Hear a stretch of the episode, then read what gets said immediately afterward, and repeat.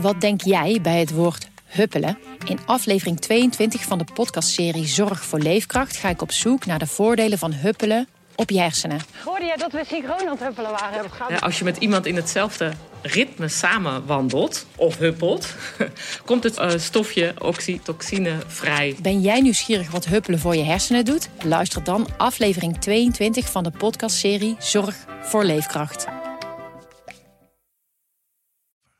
Uiteindelijk word ik aangesteld en jullie mogen jullie op vertrouwen van mij. Als je in Eimond woont ook. Dat er in ieder geval een provinciaal bestuur zit. Die uiteindelijk gewoon de wet en regels gewoon consequent uitvoert. Daar zit ik voor en dat doen we ook. Maar ja, ik, ik kan heel eerlijk zeggen dat ik elke dag naar bed ga met data stil en dan ik opstaan.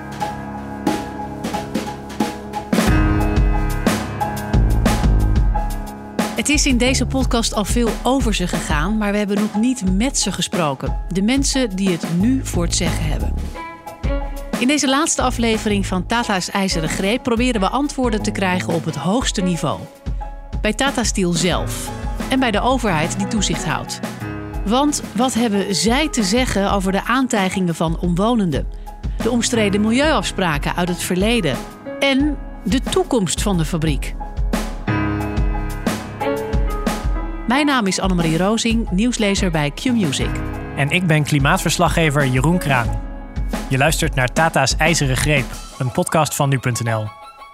Dit is de zevende en voorlopig laatste aflevering. De kapiteins.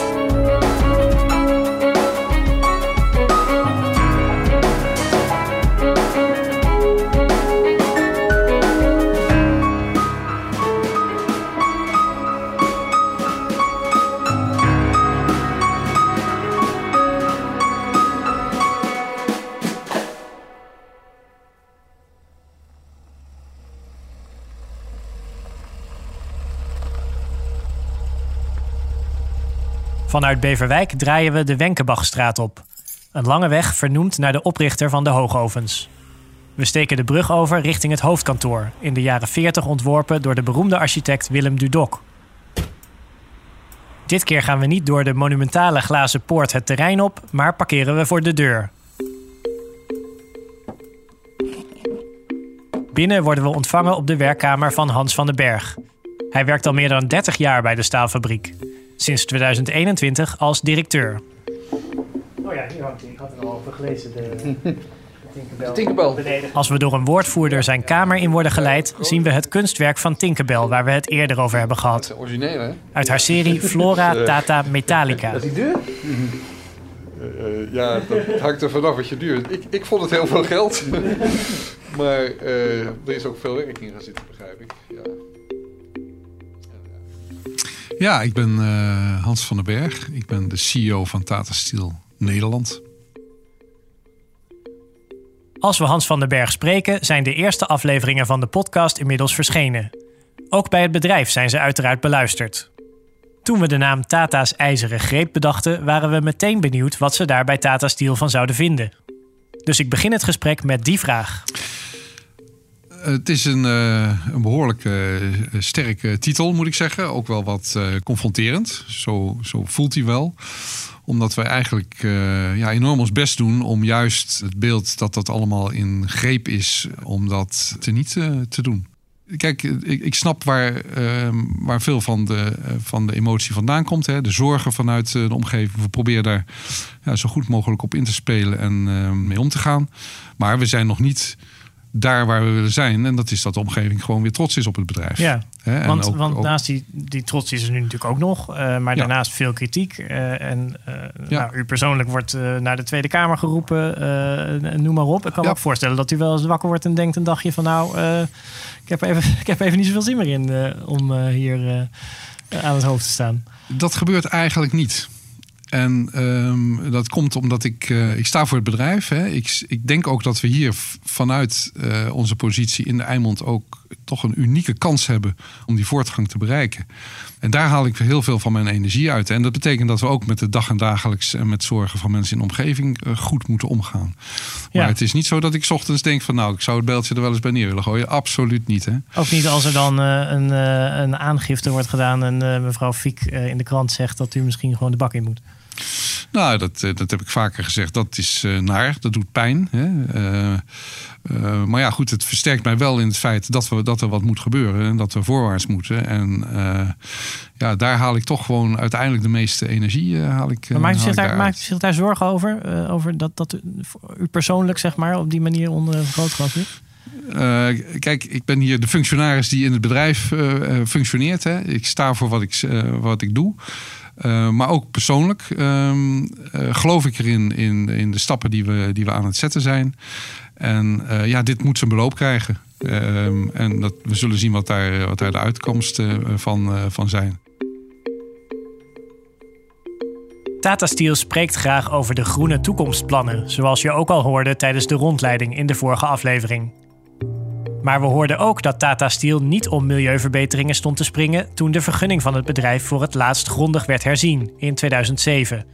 Van den Berg was toen zelf nog manager bij een van de walserijen van de staalfabriek ja, ik moet heel eerlijk zeggen, dat, dat is toen wel een beetje aan mij voorbij getrokken. Hè. Wij waren dag en dagelijks bezig met, uh, met het produceren, veilig produceren, aan de vergunning voldoen en al dat soort ja, dingen. Ik ben toch benieuwd hoe je dan nu kijkt naar dat, dat er door ons, maar ook door anderen uh, wordt bericht over ja, dingen die best wel lang geleden zijn gebeurd. Uh, denkt u dan nu van, nou, daar, daar kunnen we nog iets van leren? Of vindt u dat tendentieus? Hoe, hoe kijkt u daarnaar?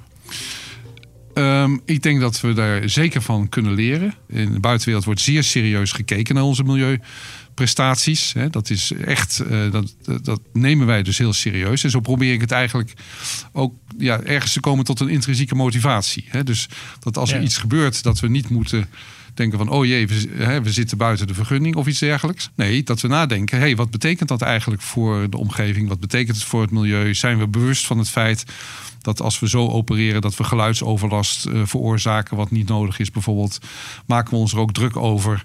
Uh, vanuit het oogpunt van het goede doen voor, uh, voor de omgeving en voor het milieu. Ik denk niet dat we, dat we al helemaal zijn waar we moeten zijn, hè, maar we zijn heel hard onderweg.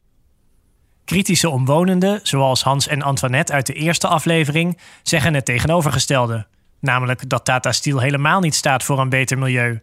Zij zien juist een fabriek die de kantjes eraf loopt. Zulke kritische geluiden zijn ook te horen bij de omgevingsdienst die toezicht houdt op Tata Steel.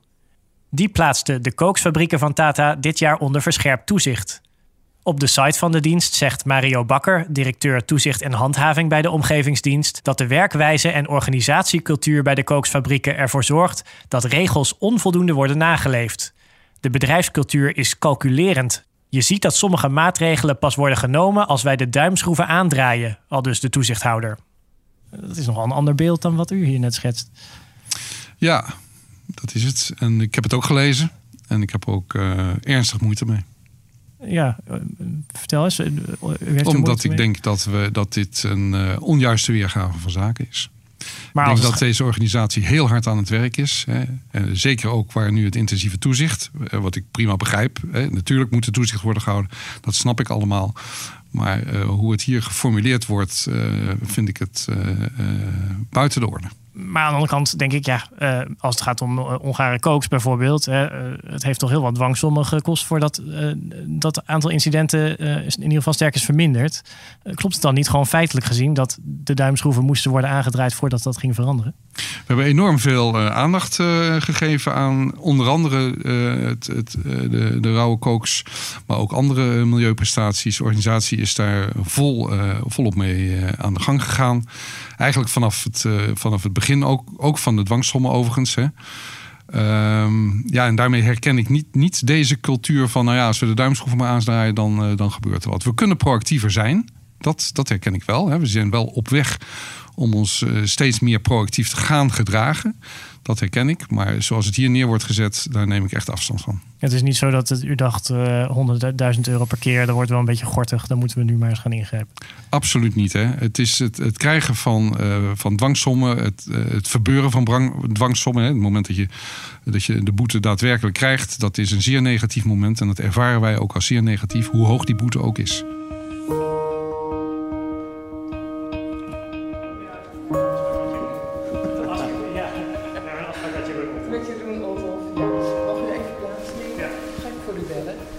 Gedeputeerde Jeroen Olthoff is eindverantwoordelijk voor die boetes. En voor de vergunningen van Tata Steel.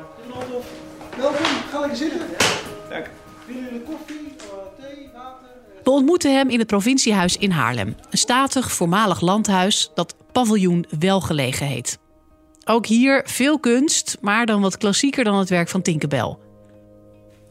Ja, ik ben Jeroen Olthoff. Uh, ik ben gedeputeerde in de provincie Noord-Holland.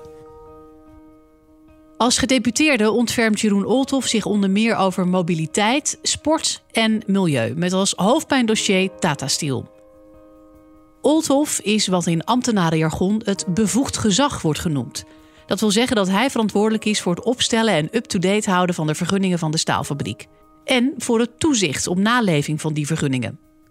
Veel van dat werk wordt gedaan door de Omgevingsdienst Noordzeekanaalgebied, waar Olthoff weer de opdrachtgever van is. Hij vertelt over die dwangsommen die de provincie aan Tata heeft opgelegd voor misstanden bij de kooksfabrieken. Het zijn eerst boetes geweest van 10.000 euro per keer, vervolgens naar 25.000. Inmiddels zitten we op 100.000 euro per keer. En we hebben ook gezegd van ja, het kan niet zo zijn dat het boetes blijven als Statenstiel niet in staat is om uiteindelijk uh, niet meer, geen overtredingen te plaatsen. Dan zullen we moeten gaan kijken of er andere maatregelen mogelijk zijn. En daar kijken we ook heen, dat is ook aangekondigd, dat we ook onderzoeken van wat kan dit voor de vergunning betekenen. Maar goed, u heeft bij dat onderzoek naar de, het intrekken van de vergunning van de kookfabrieken eigenlijk ook al een soort winstwaarschuwing afgegeven van ja, uh, zo simpel is het allemaal niet en we doen wel onderzoek. Maar de implicatie voor mij leek steeds een beetje van ja, eigenlijk denken we niet dat het kan. Ook als bevoegd gezag, ook als provincie, heb ik mij aan wet en regelgeving te houden. Dus uiteindelijk zijn we aan het kijken van wat kunnen we op basis van wet en regelgeving doen met betrekking tot die vergunning. Uw uh, voorganger als gedeputeerde uh, is, af, is opgestapt omdat het niet goed genoeg ging drieënhalf jaar geleden met het Tata-dossier. Toezicht en handhaving was niet in orde. Um, is dat het nu wel? Um, nou, laat ik het zo zeggen, met dit soort dossiers ben je elke dag aan het leren. En uh, de wet verandert, de kennis uh, verandert. Uh, dus ook uiteindelijk toezicht en handhaving zijn we constant aan het ontwikkelen. Maar dat is niet echt een antwoord op de vraag: is het toezicht en handhaving nu waar het moet zijn? nee, we zijn er elke dag nog mee bezig. Volgens Olthof worden de vergunningen van Tata constant tegen het licht gehouden.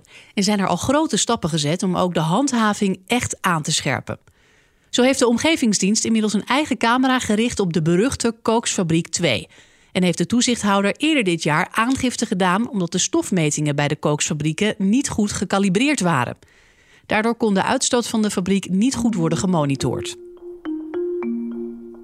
Ondertussen komt ook voor de provincie de stap naar groenstaal in beeld. Olthof moet straks oordelen over de vergunningaanvraag die Tata Steel gaat indienen voor de nieuwe fabrieken die daarvoor nodig zijn. We vertellen Oldhof over ons onderzoek, over de economische belangen die vaak voorrang lijken te hebben gehad op de milieuproblematiek. De vergunningen die vaak pas met veel vertraging werden bijgewerkt om de uitstoot terug te dringen. En de milieuafspraken die niet zijn nagekomen. Zit de provincie tegenwoordig anders in de wedstrijd? Nou ja, je kan altijd denken van het verleden leren. Dus ook, dus ook wel hoe dat in het verleden gegaan is. Um, ja, en ik denk inderdaad dat, dat in het verleden de, de nadruk veel meer lag op, uh, op economie, op werkgelegenheid, op, op welvaart. En ja, gelukkig dat we uiteindelijk met de kennis en met nou ja, toch een andere, andere, andere kijken naar de wereld, dat we uiteindelijk gezondheid ja, veel belangrijker zijn gaan vinden.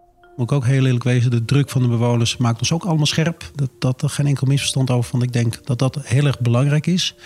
Uh, maar ook de omgeving zelf heeft nu één en heeft inmiddels een tweede kamer, camera geplaatst. En we kijken ook naar die beelden, maar niet elke zwarte rookwolk is direct een rauwe kooks. Dus uiteindelijk het beeld van hé, hey, dat zijn giftige stoffen die naar buiten komen, dat kan ik me heel goed voorstellen. Maar is dat dan een gezonde zwarte wolk als het niet een rauwe kooks is? Nou, niet elke, niet elke zwarte wolk is rauwe kooks. En niet elke zwarte wolk is direct een overtreding. Maar als het gaat hier specifiek over die rauwe kooks... Ja, dan controleren inderdaad op basis van handhavingsverzoeken... maar ook op basis van eigen waarnemingen kijken we naar inderdaad de beelden, maar moeten we ook gaan kijken van op basis van de meetgegevens van hey, wat is daar precies gebeurd? Wat waren de temperaturen? Wat was nou ja, een aantal uh, technische aspecten die en op basis daarvan kunnen we constateren, zal er geconstateerd worden of er sprake is van een rauwe kooks. Maar ik begrijp ook absoluut wel de frustratie van vanuit de omgeving. We zien iets en we krijgen eigenlijk terug dat nou ja, het geen rauwe kooks is. Ja, dat, dat is. Maar ik kan ook moeilijk zeggen van ja, het zijn dus wel rauwe kooks. Uiteindelijk is een omgevingsdienst, daar zitten de techneuten. Die moeten handhaven op basis van de regels die er zijn, op basis van de vergunning. En heeft u, heeft u daar dan voldoende vertrouwen in? Want die omgevingsdienst die zegt, die spreek ik natuurlijk ook wel eens. En die zeggen dan ja, wij gaan dan kijken naar de meetgegevens. Maar goed, dan kom je toch weer eigenlijk uit bij het, het feit dat je dan dat Tata dus gegevens moet aanleveren over of zij, een, of zij een overtreding hebben begaan. Dat is toch een, lijkt me niet een hele fijne situatie om mee te zitten als, uh, als, als bevoegd gezag. Nee, nou, dat, dat, dat is soms ook best wel oncomfortabel. Maar de eerste vraag is: heb ik vertrouwen in de omgevingsdienst? Ja, volmondig. De tweede vraag is: vertrouw je dat Tata de juiste gegevens aanlevert? Bij omwonenden ontbreekt dat vertrouwen vaak. Maar volgens Oldhof is dat onterecht. Het is niet zo dat Tata zomaar wat cijfers doorgeeft, zegt hij. Het zijn gecontroleerde meetgegevens afkomstig van geaccrediteerde bedrijven die daar speciaal voor worden ingeschakeld. En dat ook heel eerlijk wezen, of we het fijn vinden of niet. Uiteindelijk is het in Nederland zo dat een bedrijf die een vergunning aanvraagt, levert de gegevens aan. Een bedrijf in Nederland wordt ook geacht, uiteindelijk op basis van geaccrediteerde cijfers, dus niet vrijblijvend, maar op basis van hele duidelijke, strenge voorwaarden, om ook daadwerkelijk cijfers aan te leveren. Als wij van mening zijn in Nederland dat we dat systeem willen veranderen, en dan niet alleen voor Tata, want dan moeten we het voor alle bedrijven doen, dat wij als overheid het allemaal gaan meten, prima. Maar dit is uiteindelijk wel hoe wij in Nederland ons vergunningensysteem hebben, hebben, hebben ingericht. En wij niet in staat zijn om bij elk meetpunt of bij elke bron van Tata om daar 24-7 mensen neer te zetten. Olthof zegt de vergunningen van Tata en andere vervuilers te willen aanscherpen. Maar dat kan niet altijd. Volgens hem vanwege mankementen in de Nederlandse wetgeving. Wij hebben in Nederland gaan we nog steeds uit van gemiddeldes per jaar. Maar op het moment dat er in een bepaalde periode in een jaar enorme pieken zijn, dan kan het gemiddelde wel oké zijn. Maar wat doet zo'n piek nou eigenlijk met, met, de, met de gezondheid? Uh, als we kijken naar de kooksgasfabriek, waar we ook al wel aangedrongen bij het Rijk, dan zie je dus dat uiteindelijk die fabriek al lang afgeschreven is. Ja. Maar op basis van ouderdom kunnen we uiteindelijk op basis van de wetgeving kunnen we niet eisen dat er een nieuwe fabriek moet komen te staan of dat deze fabriek gesloten gaat worden. Maar dat is wel eigenlijk onbegrijpelijk. Zo'n fabriek die zoveel weglekt, schadelijke stoffen uit, uitstoot. Ja. Ja, de grote frustratie natuurlijk ook van de omwonenden, hoor ik ook in mijn omgeving. Waarom is die Kooks 2 nog niet dicht? Nee, nou ja, dit is, dit is precies het punt. Een oude fabriek, en dat is die Kooksgasfabriek... daar gelden andere, minder strenge eisen voor... dan als er een nieuwste fabriek staat. En de frustratie van die bewoners begrijp ik hartstikke goed. Maar er is niks frustrerender voor een bestuurder... om te zeggen, ja, Tata Steel voldoet aan die regels... maar het is niet gezond. Moet dat eigenlijk wel bij u als provincie of bij omgevingsdienst liggen? Zouden dat soort enorm complexe uh, bedrijven niet gewoon direct onder het Rijk of onder een gespecialiseerde instantie moeten vallen? Als dat, als dat uiteindelijk voor de omgeving beter is, dan zal ik. Maar uiteindelijk heeft ook het Rijk met diezelfde regelgeving te maken waar ik ook mee te maken heb. Maar ik kan ook zeggen dat wij op basis van een duidelijke richting en een duidelijke koers die we aangaan, dat we elke keuze onafhankelijk van wie dan ook maken.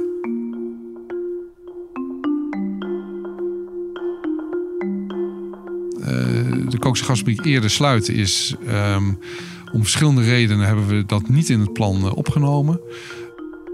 Natuurlijk vragen we ook Hans van den Berg naar de Kooksfabriek 2. De Tata-directeur legt uit waarom die doorn in het oog van de omgeving nog open is en dat wat hem betreft ook nog wel een aantal jaar zal blijven. Dat heeft niet alleen met het milieu te maken, maar ook met geld. Een van de belangrijkste redenen eigenlijk is dat we ook op basis van het laatste RIVM-rapport, wat uh, aangeeft dat fijnstof uh, en stikstofoxide, dat dat de stoffen zijn met de meeste impact op uh, de levensverwachting. Naast nou ja, stress door hinder. Hè. Mm -hmm. nou, de, die fijnstoffen, dat die, de, die kookse gasfabriek is daar niet de grootste bron in. Hè. Het verwaaien van grondstoffen is de grootste bron daarin. Dus dat hebben we wel in het plan gezet. Is ongeveer, nou ja uh, ik denk dat het in geld ongeveer hetzelfde is. Er zijn ook andere redenen om dat, uh, om dat niet in het plan te zetten. Het is een enorme operatie om zo'n hoeveelheid kooks op een of andere manier ergens anders vandaan te importeren, over te slaan, uh, in de installaties in te zetten, inefficiencies die daarbij plaatsvinden, met daarbij grotere milieueffecten, die dan misschien deels ergens anders plaatsvinden, maar wel grotere milieueffecten. Dus dat zijn de redenen waarom wij gezegd hebben. En het is daarmee ook dus zeer kostbaar. Nou, als we dat al. En, en dan heb je het over twee of drie jaar. Ik snap dat veel mensen dat willen en dat dat, dat dat van belang is. Maar wij denken, ja, we moeten kiezen voor iets wat ook daadwerkelijk hout snijdt op dat gebied. En daarom hebben we gekozen voor uh, in het plan om overkappingen te gaan, uh, gaan aanbrengen in de, groene, in de groene route. En dat levert voor de omgeving dus meer op dan uh, dat u eerder die kookfabriek zou sluiten? Volgens ons wel, met de interpretatie van het RIVM-rapport, ja. Het liefst praat Hans van den Berg niet over installaties uit het verleden, maar over de toekomst. Zoals je in de vorige aflevering hoorde, moet de staalfabriek in de toekomst op waterstof gaan draaien. Maar die groene waterstof wordt nu nog bijna nergens gemaakt. En al helemaal niet op de schaal die Tata straks nodig heeft. In de haven van Rotterdam zijn plannen voor de eerste twee grootschalige groene waterstoffabrieken van Nederland. Eén van die fabrieken wordt gebouwd door Shell. Maar de waterstof die daaruit komt, gaat straks rechtstreeks naar de raffinaderij van de oliegigant. En dus niet naar Tata. De ander wordt gebouwd door Eneco. Rond 2029 moet die jaarlijks 20 tot 25 kiloton groene waterstof gaan produceren. Een flinke hoeveelheid, maar nog altijd 10 keer minder dan Tata Steel in zijn eentje nodig zal hebben. En Tata is niet het enige bedrijf dat behoefte heeft aan het duurzame gas. Ook allerlei andere bedrijven staan al in de rij. Uh, gelukkig zijn de installaties die we voor ons zien uh, ook geschikt om op aardgas over te gaan. Dus dat betekent dat we de eerste stap uh, met deze installaties zullen maken van kolen op aardgas. En voor de niet-technici, dat brengt al heel veel CO2-vermindering met zich mee. Dus de 5 megaton waar ik het over heb, die zullen we al bereiken met de overgang van kolen op aardgas. En dan vervolgens kan de installatie ook omschakelen. Dus we hebben de optie met de installatie om op het moment dat er voldoende waterstof eh, beschikbaar is, en, en, en de vraag is natuurlijk ook voor welke prijs is dat dan? Is dat economisch rendabel? Maar dan hebben we als het ware een installatie die op beide kan draaien. Maar u, voelt ook, ook wel aankomen dat op het moment dat u eh, aardgas gaat gebruiken, dat, uh, de, dan staat Greenpeace hier weer voor de deur te zeggen uh, dat is nog steeds een fossiele brandstof. De vraag is wat is, wat is wanneer haalbaar? En welke keuzes maken we daar ook in? Hè? Ik denk dat we als grote potentiële afnemer van waterstof ook wel in de hele ontwikkeling een belangrijke rol kunnen spelen. Hè? Want het, het is toch een klein beetje aan, aanbod en vraag. Het op elkaar afstemmen eh, daarvan. Er wordt natuurlijk niet gebouwd als er geen vraag is. Ja. Uh, uh, en er is geen vraag als er niet gebouwd wordt. Hè? En daar kunnen we als grote afnemer, denk ik, een belangrijke rol uh, in spelen. Ja, en dan zijn we schakelbaar. Het is natuurlijk al onbekend dat u spreekt met de Rijksoverheid over maatwerkafspraken die hierover gaan. En dat u ook om overheidssteun vraagt. waarom is dat eigenlijk nodig? Kan uw bedrijf zijn eigen broek, moet, moet uw bedrijf niet gewoon zijn eigen broek kunnen ophouden? Ja, we hebben natuurlijk eindeloos veel uh, gerekend aan deze, aan deze transitie. Er zijn eigenlijk een, twee hoofdargumenten, denk ik, waarvoor dat, uh, waarvoor dat zo geldt. En dat is de snelheid waarmee de transitie moet gaan plaatsvinden. Uh, kijk, uiteindelijk zal alles staal groen zijn. En is het de vraag hoe snel kunnen we ook als samenleving uh, bewegen. En, en, en kunnen we uh, volgens mij ook echt voorop lopen, of in ieder geval in de kopgroep zitten in, in Europa om dat, om dat te doen. Um, en de vraag is wanneer de markt daar ook uiteindelijk echt voor compleet voor gaat betalen. Hè? Want ja, alles moet uiteindelijk in de prijs van het product terechtkomen. Dat, dat staal zal duurder zijn om, om te maken. Dus die prijzen zullen daarin ook, ook omhoog gaan. Ja, en wij zien uh, in, in onze uh, uh, nou ja, aannames en berekeningen dat dat, dat dat langzamer zal gaan dan wij het willen gaan maken en ook moeten gaan maken in verband met klimaatafspraken, vermindering van CO2. dus het is een, een timingseffect. We hebben, en daarmee zeggen we eigenlijk, ja, we hebben een, een, een stuk steun nodig om die, die horde te nemen. En daarna moeten we weer een bedrijf hebben wat natuurlijk compleet uh, goed commercieel verantwoord uh, dat uh, kan doen. Ja, en het tweede wat we zien, en dat is toch ook belangrijk, is dat er in Europa de concurrenten eigenlijk ook allemaal al afspraken aan het maken zijn of al afspraken gemaakt hebben met hun overheden. En um, dat is natuurlijk ja, vanuit het bedrijf gezien wel een belangrijk argument. Want je wil niet beginnen met een achterstand van een financiële achterstand ook daarin. Een groen Tata Steel heeft dus staatssteun nodig, betoogt het bedrijf. Ondertussen wordt vlak voor ons interview met Hans van den Berg bekend dat Tata Steel 800 mensen gaat ontslaan. Volgens Tata heeft dat te maken met de staalmarkt die in het slop zit, met de inflatie, met stijgende kosten omdat er fossiele subsidies worden afgebouwd en ook met de verduurzaming die eraan zit te komen. Als die structurele trends zo tegenzitten, uh, gaat, gaat die stap naar een groene toekomst dan wel worden gemaakt? Of ik kan me ook voorstellen dat uh, uh, uw bazen in India kijken naar de Indiase markt die gigantisch groeit en denken, nou, laten we daar maar op focussen. Nou, dat doen ze ook. Dus het Indiase bedrijf groeit ook enorm in, in India. waar de hele markt aan het groeien is. Met, ook met grote vergroeningsambities, hè, parallel. En kijken daarom ook naar interesse wat, wat wij als, als bedrijf hier, als onderdeel van de Tata Groep, van de Tata Steel, ja, moeten doen. Hè? Hoe de omgeving hier aan het veranderen is. Ehm, de maatschappij. vanuit het beeld dat wat hier nu gebeurt, hè, de, de, de onrust en in de omgeving, de zorg over gezondheid van emissies, de verwachting dat dat, ja, dat gaat in India ook gebeuren. En ehm, eh, we zien daar ook dat de, de, ja, de bedrijven daar zich ook al echt op aan het, aan het instellen zijn. En dat natuurlijk de manier waarop met de groene transitie in Europa wordt omgegaan, er wordt met grote interesse wordt dat, wordt dat, uh, wordt dat gevolgd. En ja, dat begrijpen we ook wel, hè, want wij hebben hier al last van klimaatverandering. Maar in India is dat natuurlijk ook bijzonder voelbaar. Hans van den Berg hoopt dat in 2026 de eerste schop in de grond kan voor de fabrieken die groen staal mogelijk gaan maken. Eén ijzerfabriek die op aardgas of waterstof kan draaien en een elektrische oven om er vervolgens staal van te maken. Als de bouw soepel verloopt, moeten de kooksfabriek 2 en één van de hoogovens voor 1 januari 2030 kunnen worden uitgezet. Mooie plannen, maar daar zijn er in het verleden wel meer van geweest. Gaat dit dan ook echt voor 2030 lukken, ondanks de grote hordes die nog genomen moeten worden? Ja, 2030 is, is dichtbij. Um, en het, het, tijdpad eh, is, uh, is strak, zal ik, uh, zal ik maar zeggen. Um, maar goed, de, de, um, laten we zeggen, de, de, voordelen en de richting en de drijf om dat, om dat te doen, die zijn natuurlijk volop, volop aanwezig. Maar u gaat natuurlijk niet uw mooie nieuwe installaties bestellen voordat die afspraken rond zijn. Wanneer moet dat eigenlijk zover zijn? Nou, het, het, het we zijn dus al in overleg natuurlijk hè, met, met leveranciers hiervan.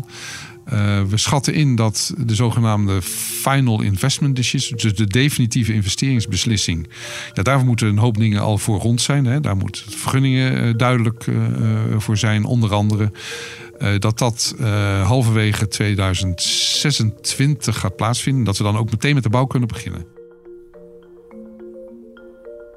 De tijd begint wel heel erg te dringen laat eerlijk wezen, als, als voor 2030 de Hoogoven 7 en de kookstraatsfabriek 2 dicht moeten.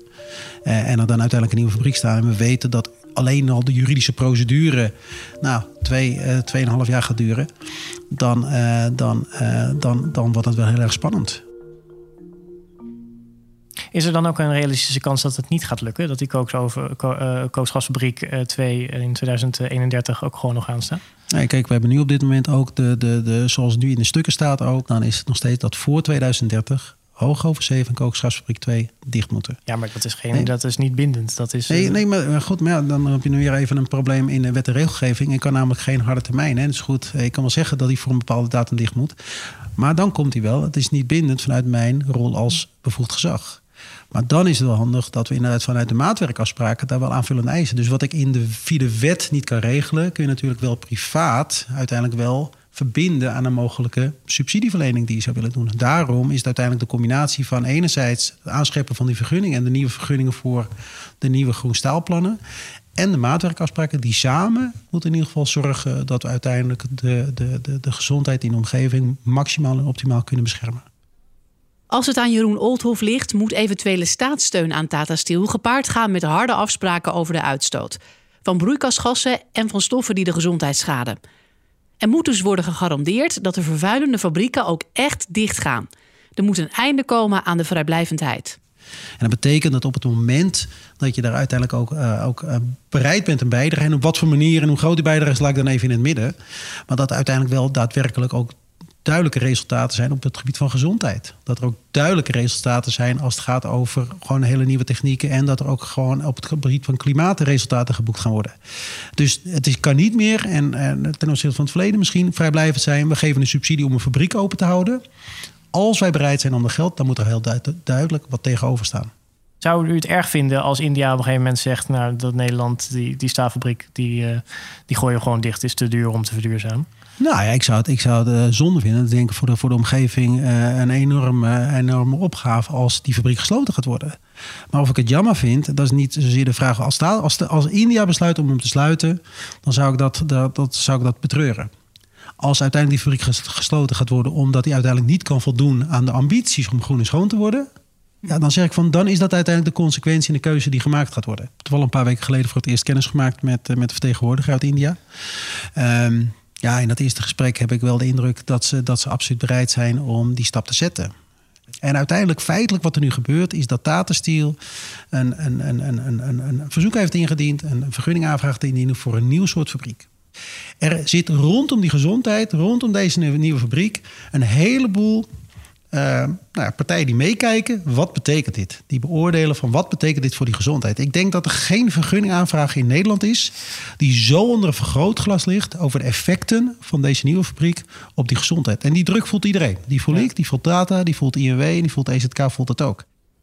Er wordt nog druk onderhandeld over wat er precies in die maatwerkafspraken komt te staan en wat de overheid aan subsidie gaat geven. Ondertussen zijn er ook zorgen in politiek Den Haag en wordt er met grote regelmaat gedebatteerd over hoe de lucht in de omgeving van Tata Steel gezonder kan worden. Die luchtkwaliteit voldoet momenteel namelijk aan de wettelijke normen, maar is volgens het RIVM toch ongezond.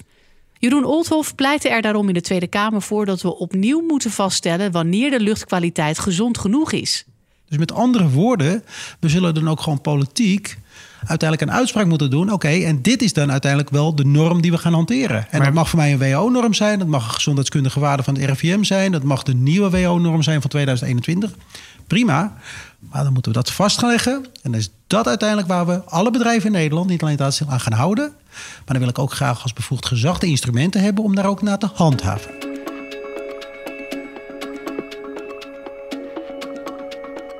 Iemand die die mening deelt is Kamerlid Kiki Hagen van D66. Zij stelt Kamervragen naar directe aanleiding van de stukken die we ontdekten in aflevering 4 van deze podcast.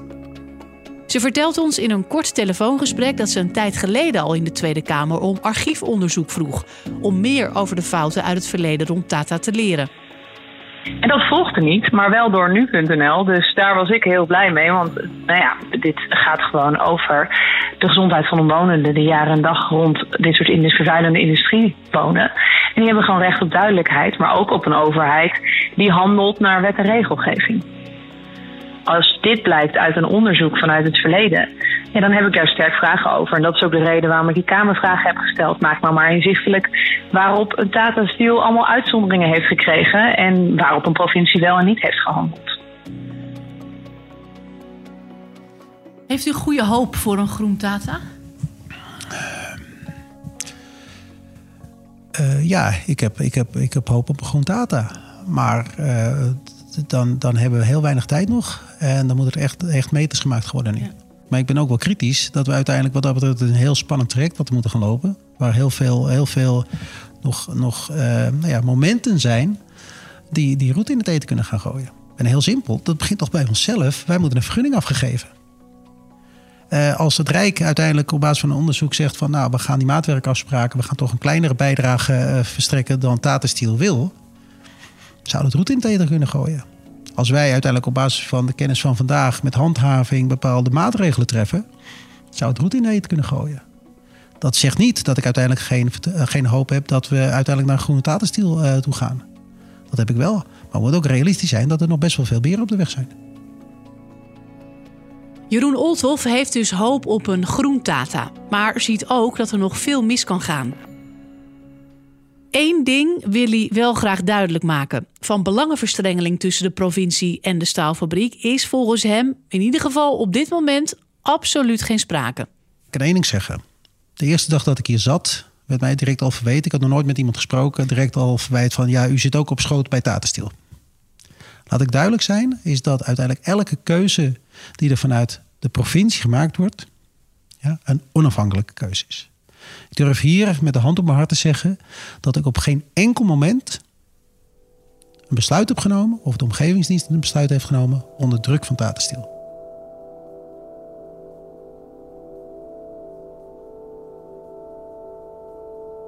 Hoe ziet uh, Tata Steel en Muiden eruit als al uw groene plannen helemaal zijn uh, afgerond eigenlijk. Ja, naar fase 2. Ja, Hoe, hoe, gaat het er fysiek uitzien? Nou, ik denk dat aan de, dat aan de staalmaakkant... Ja, gaat die hele, de hele skyline en alles wat er staat... dat gaat er anders uitzien. Het blijft wel een vorm van zware industrie. Hè? Dus er zullen grote installaties uh, uh, zullen, het, zullen het zijn. We zullen zien dat er nou, veel minder, schoorstenen uiteindelijk, uiteindelijk zullen zijn. We zullen zien dat, um, dat grondstofaanvoer helemaal overkapt zal zijn. Hè? Dus dat het niet meer allemaal open is, maar dat het allemaal in gesloten systemen uh, zal zitten. Ja, en ik, ik, uh, als we één stap verder denken, en ik heb het veel over, ook over energiesystemen en inbedding daarin gehad, dan denk ik dat we daar ook tekenen van zullen gaan zien. Hè. Er zal zeker naar de tweede fase, zo rond 2035, hè, dat moeten we nog verder, uitwerken, zal er uh, terrein vrijkomen. Wat, wat heel mooi voor, voor andere industriële activiteit, uh, zeker op het gebied van energie, uh, kan plaatsvinden. In de vorige aflevering hoorde je Piet Joustra, een van de architecten van het Groenstaalplan.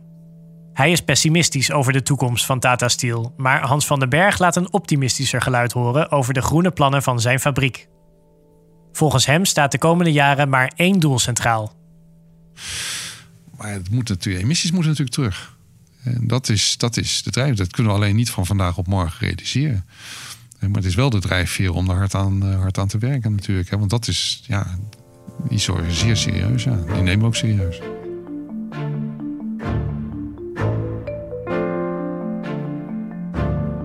We begonnen deze podcast met de vraag hoe het nou eigenlijk kan dat we nu zoveel horen over de uitstoot van Tata Steel, terwijl die staalfabriek er al 100 jaar staat.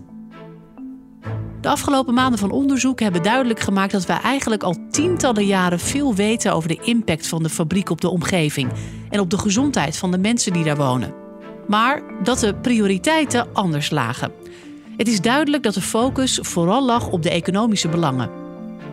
Bovendien vond veel besluitvorming over de milieu-impact van de fabriek plaats achter gesloten deuren, ver weg van eventueel kritische omwonenden. Zij wisten daardoor lange tijd niet wat ze eigenlijk allemaal inademden en wat voor stof er op hun huis, stoep, waslijn en auto terecht kwam. En misschien wilden ze het vaak ook wel niet weten. Zeker in de tijd dat bijna de hele regio voor de hoogovens werkte. Het hart voor de fabriek was en is groot. Zo realiseerde ik me ook maar weer toen ik met mijn vader en andere bekenden uit Heemskerk sprak over de hoogovens. Maar het ligt nu ook wel anders. Het tijdperk dat Tata Steel gewoon die grote buurman was en alleen de trots van de Eimond, is definitief ten einde. Nu staat Tata Steel aan de vooravond van een cruciaal jaar. Een jaar waarin niet alleen duidelijk moet worden of de fabriek een groene toekomst tegemoet gaat, maar of er überhaupt nog een toekomst is voor een mega staalbedrijf in zo'n dichtbevolkt land. De uitslag van de verkiezingen heeft dat extra onzeker gemaakt. Wil een nieuw kabinet eigenlijk nog wel miljarden uittrekken om bedrijven te helpen vergroenen? De boodschap van Tata is helder. Komt de staat niet met een flink bedrag over de brug, dan gaat het vergroenen niet lukken. En als de uitstoot niet daalt, gaat de fabriek simpelweg ten onder aan de snel oprukkende CO2-tax. Voor een ouderwets vervuilend staalbedrijf is in Nederland zeker geen toekomst. Er hangen nog een heleboel donkere wolken boven de fabriek. Wat te denken van het strafrechtelijk onderzoek van het OM naar Tata. De massale schadeclaim van omwonenden. En het onderzoek naar het intrekken van de vergunning van de kooksfabrieken. Zelfs als de groenstaalplannen wel op tijd in gang worden gezet, is de toekomst van het Nederlandse Tata Steel verre van zeker. De vergroening kost tijd. Tijd die we de fabriek volgens de werknemers moeten geven. Tijd die er volgens sommige omwonenden niet meer is.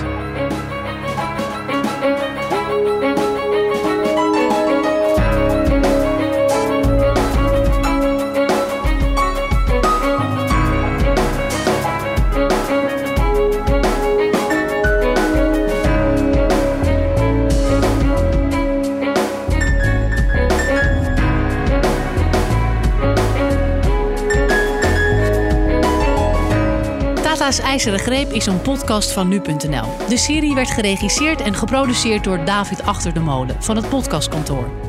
Onderzoek en presentatie werden gedaan door ons, Annemarie Rozing en Jeroen Kraan. En de eindredactie lag in handen van Frank Brinkhuis. Deze podcastserie is verder mogelijk gemaakt door het advies en de inzet van Thomas Moerman, chef economie en klimaat. hoofdredacteur Lindsay Mossink en Daan Hofstee van DPG Media. Het artwork werd gemaakt door Astrid Martirosian. Daarnaast willen we iedereen bedanken die de tijd heeft genomen om met ons te spreken voor de podcast. Of er nou een microfoon bij was of niet. Veel van hen waren te horen in deze zeven afleveringen, maar een flink aantal ook niet. Jullie informatie en inzichten zijn toch heel waardevol geweest en hebben dit tot een betere podcast gemaakt. En als laatste, jij natuurlijk bedankt voor het luisteren. Vond je dit een goede podcast? Geef het dan vooral door aan je vrienden.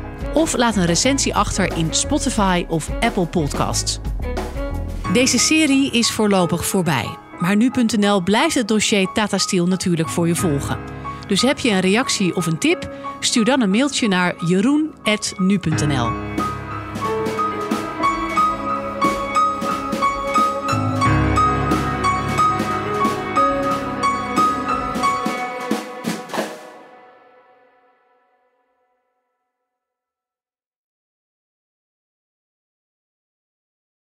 Kun je niet wachten tot volgende week? Ga dan naar nu.nl slash tatastiel, maak een inlog aan en luister gratis alvast naar de volgende aflevering van deze podcast.